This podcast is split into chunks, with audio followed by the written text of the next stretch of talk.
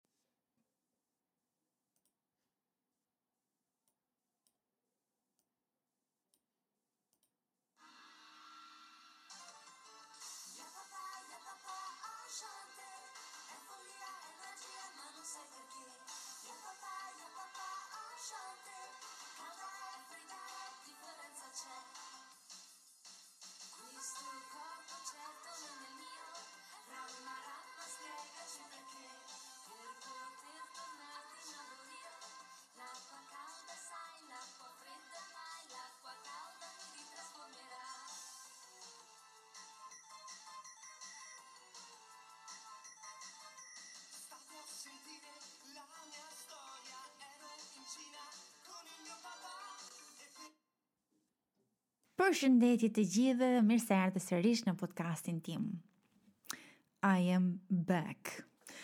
E hapa këtë podcast me siglën e një manga japoneze që shikoja kur isha e vogël, quhet Ranma. Në qoftë se nuk e njihni, jua këshilloj të kërkoni epizodet në YouTube, besoj që i gjeni italisht, mbase edhe në anglisht dhe gjuhë të tjera. Është e viteve tetëdhjeta, jo që unë e shikoja në vitet tetëdhjeta, sepse nuk jam aq e lashtë, por atëherë është krijuar. Në Itali është goxha e famshme. Edhe tani besoj është rikthyer pak um, është uh, besoj që mangat japoneze janë rikthyer në përgjithësi dhe ka shumë të rritur që i shikojnë uh, pa problem. Është uh, një hobi që shumë njerëz e kanë. Um, në qoftë se jam e mërzitur ndonjëherë, mjafton të dëgjoj këtë, këtë këngë edhe të shikoj një epizod, edhe sikur çdo gjë rikthehet të jetë um, um, në rregull, çdo problem sistemohet, sikur nuk ekziston më e keqja, bota është një vend më i pastër, më i mirë, më... Um, më i drejtë. Dhe kjo është fuqia që kanë kujtimet te ne. Është ajo që në anglisht quhet uh, security blanket. Kujtimet ndonjëherë janë si një uh, batanije e ngrohtë që na mbulon. Uh, ndonjëherë nuk kanë... Um, nuk kanë lidhje me të vërtetën, ndonjëherë idealizohen kujtimet, uh, të idealizojnë një të kaluar, një të kaluar, ku ti mendon që nuk nuk ekzistonin këto probleme, sikur më para ishte më mirë, por ndonjëherë nuk është e vërtetë. Ë uh, sepse kujtimet uh, me kohën marrin formë ndryshe, ndonjëherë transformohen. Fatkeqësisht edhe ne jemi rezultatet, ne jemi rezultati i kujtimeve. Edhe në qoftë se mendon mirë njerëzit që kanë probleme me kujtesën, janë ata që në jetë nuk ecin shumë mirë. Dhe një nga sëmundjet që të vjen ndër mend direkt e lidhur me këtë temë është Alzheimer. Është sikur do e fillosh jetën nga e para. sepse siç thashë ne jemi rezultati i kujtimeve tona. Ndonjëherë kujtimet uh, mund ta bëjnë jetën më të mirë, por mund të ndodhë edhe e kundërta. Edhe me atë do e lidh um, pak um, uh, temën e sotme. Do të doja të flisja dhe t'ju tregoja për historinë e një vajze që i dha origjinën e psikoanalizës siç e njohim ne tani, në ditët tona, dhe është historia e Ana O. Në qoftë se jeni të interesuar me psikologjinë në përgjithësi, um, do Do ju vijë ndër mend direkt emri Freud, sepse është i lidhur me me historinë e kësaj vajzës, por në fakt uh, Freudi nuk e ka njohur asnjëherë Ana Ana O. E ka pasur uh, si paciente në fakt një ekspert tjetër i fushës që ishte Breuer. Breuer, Ana O dhe Freud kishin një gjë të përbashkët, ishin të gjithë me origjinë hebraike. E kam dëgjuar për herë të parë, e kam lexuar për herë të parë historinë e Ana O kur isha në shkollë të mesme, edhe a studiohet gjithmonë në lidhje me me Freud. A zbulohet nga ditarat e tij, nga biografia e tij, por siç thashë, ëm um, uh, ai s'e ka njohur asnjëherë këtë vajzën. Uh, Breuer e mori si paciente dhe e përshkruan çështjen e saj në librin e tij mbi histerinë të vitit 1889. Ndaj mbani mend këtë këtë gjë. Freud nuk e ka njohur asnjëherë Ana O. Është e rëndësishme. Nuk e di pse po e kam bezdi eh, Freud. Nejse, ëm, ehm, kjo është problemi im, duhet të gjej ndonjë hobi mbase. Rikthehemi çik te Ana O. gjithsesi um, nuk nuk nuk mund ta dish tamam të vërtetën sepse historia është një gjë e çuditshme që të mahnit, por asnjëherë s'mund t'i japësh besimin komplet, sepse sidomos në psikologji ku rastet e manipulimeve janë të njohura. Ë uh, po rikthehemi çik te Berta Pappenheim, që është emri i vërtetë i Ana O, është një vajzë 21 vjeçe, kur e njeh Breuer, përshkruhet nga Breuer si një vajzë shumë inteligjente që ndihmonte të sëmurët dhe të varfrit.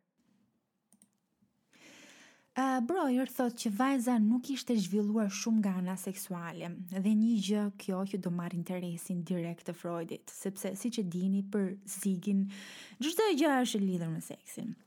Ana O me sa duket kishte një jetë shumë monotone dhe kjo monotoni ishte uh, një privilegj që vinte në atë kohë nga situata e rehatshme ekonomike që që ishte që, që ishte familja e saj, që jetonte familja e saj. Dhe vajza për të për të dalur pak nga kjo monotoni, uh, krijonte histori në mendjen e saj dhe i përjetonte me sy hapur. Deri këtu s'ka asnjë problem, sepse po të kishte një problem, unë për shembull do isha me këmishë në bar direkt. Por kjo është një histori tjetër. Problemet për Anën fillojnë kur sëmuret i ati dhe ajo e donte aq shumë sa që është vetmja që kujdeset për atë dhe mm, përjeton shumë keq këtë sëmundje.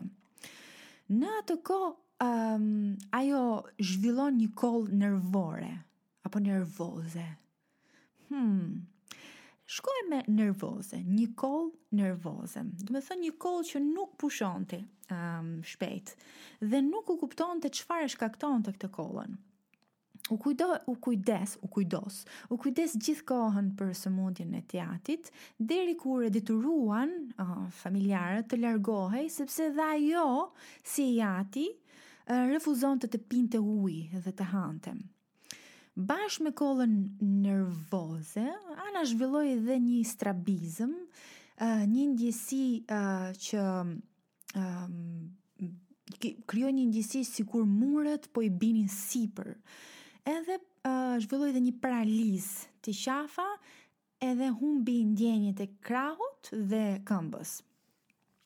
U detyrua të qëndronte në krevat gjithë kohën, edhe mbasditen e, e merrte gjumi, sikur u humbte mbe mbi një gjumë ku ajo shkonte në një uh, pothuajse një gjendje hipnoze, sikur bënte një auto-hipnoz që e e dërgonte direkt në gjumë.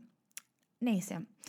Asnjë s'po e kuptonte se çfarë po e shkakton e shkaktonte gjithë kto këto dhimbje, deri kur e merr përsipër uh, Josef Brojer. Brojer u interesua më shumë te kjo paciente kur vështroi që Ana shfaqte gjendje të alternuara të vetëdijes. Uh, dhe ai e merr këtë si shenja të një gjendje vetë hipnotike.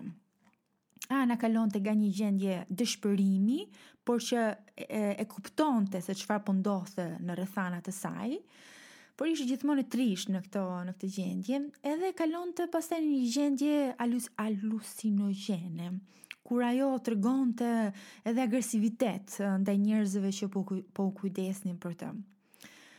Ana që me Brojer um, mund të fliste gjuhën e saj gjermanishten, por sikur e harroi dhe filloi të fliste vetëm anglisht.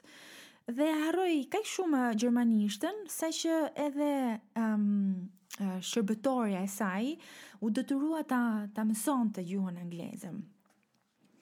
Dhe uh, filloi të kishte kaq shumë shqetësime të të folur, folurit, se sa uh, për ca kohë bëhet memece. Një gjë që e bëri uh, Brojer të, të jetë më i sigur që për të, për ta ndihmuar uh, këtë vajzën, ajo duhet um, të fliste, sepse për Brojer kishte diçka që ajo kishte disa kujtime që po e bezdisnin. Duke e detyruar të bisedonte, Ana u përmirësua për ca kohë.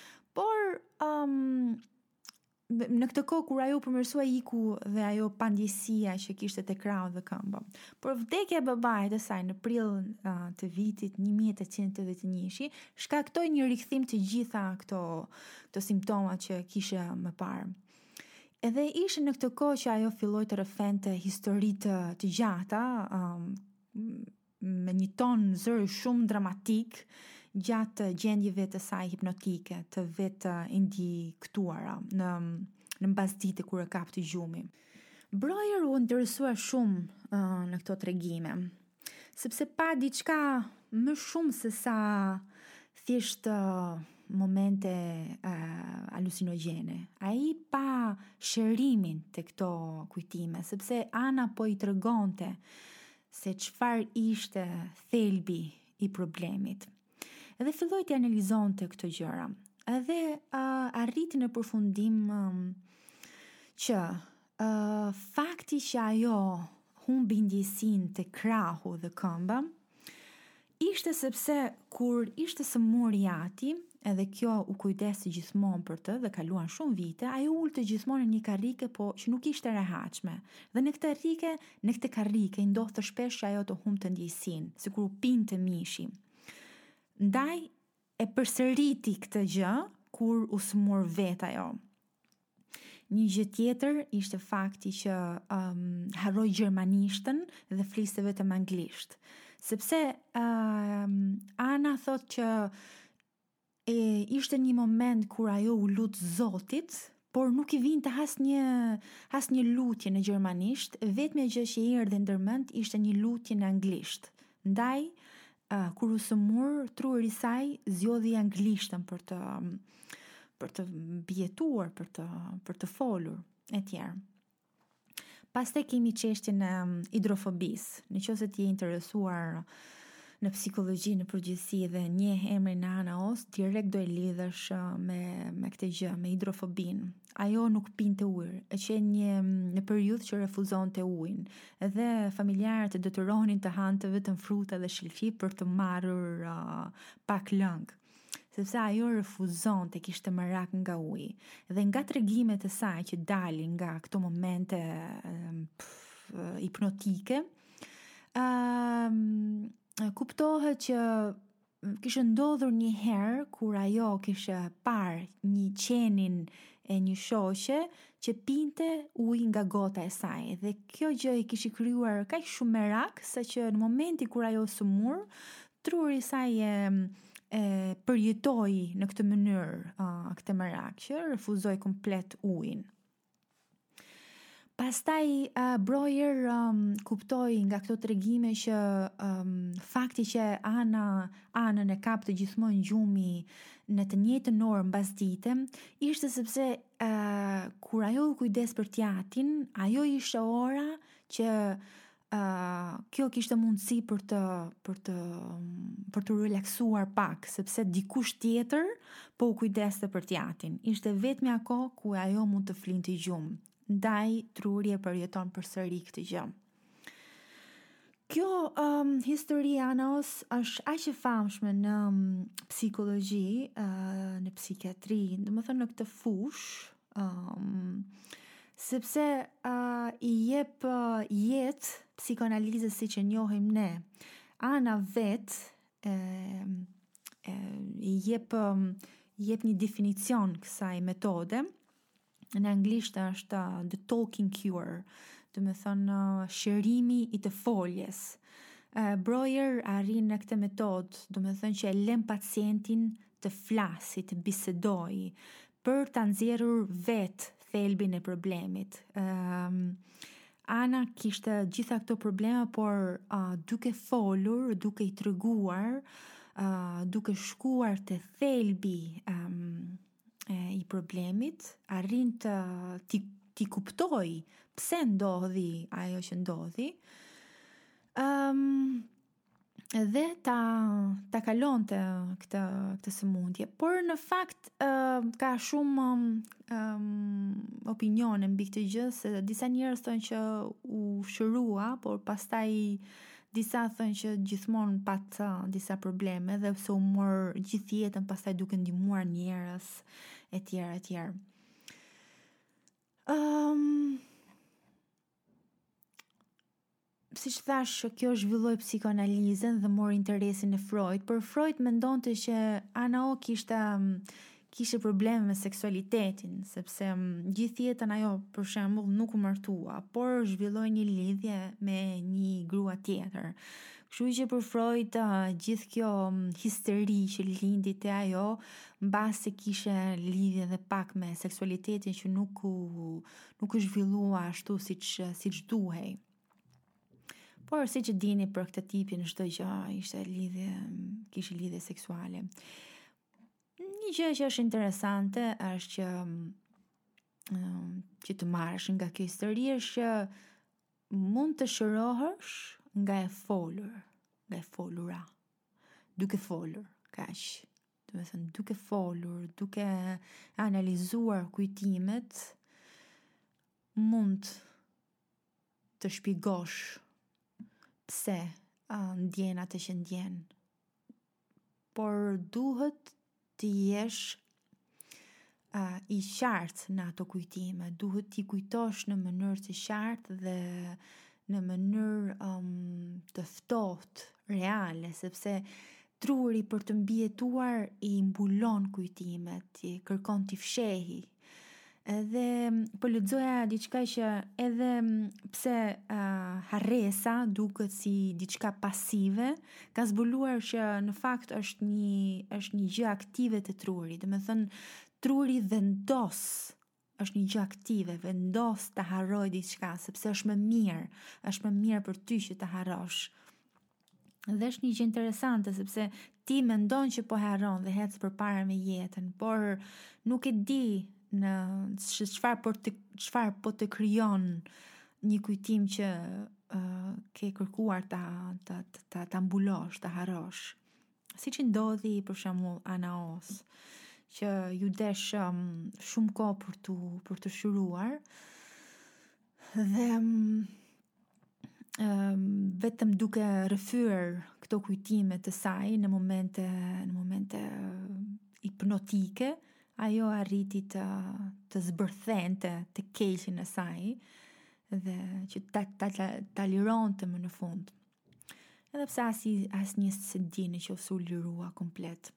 Po kjo ishe historia e Ana O-së dhe shpresoj t'ju ketë pëlqyer pak dhe shpresoj ta kem treguar tamam, por s'besoj, se unë gjithmonë shprehem keq. Mm, kaq ishe për sot, do dëgjohemi javën tjetër, ky ishte thjesht një episod për të siç thonë anglezët, për të thyer akullin e vitit të ri, edhe premtoj që do dëgjohemi javën tjetër. Ciao, ciao!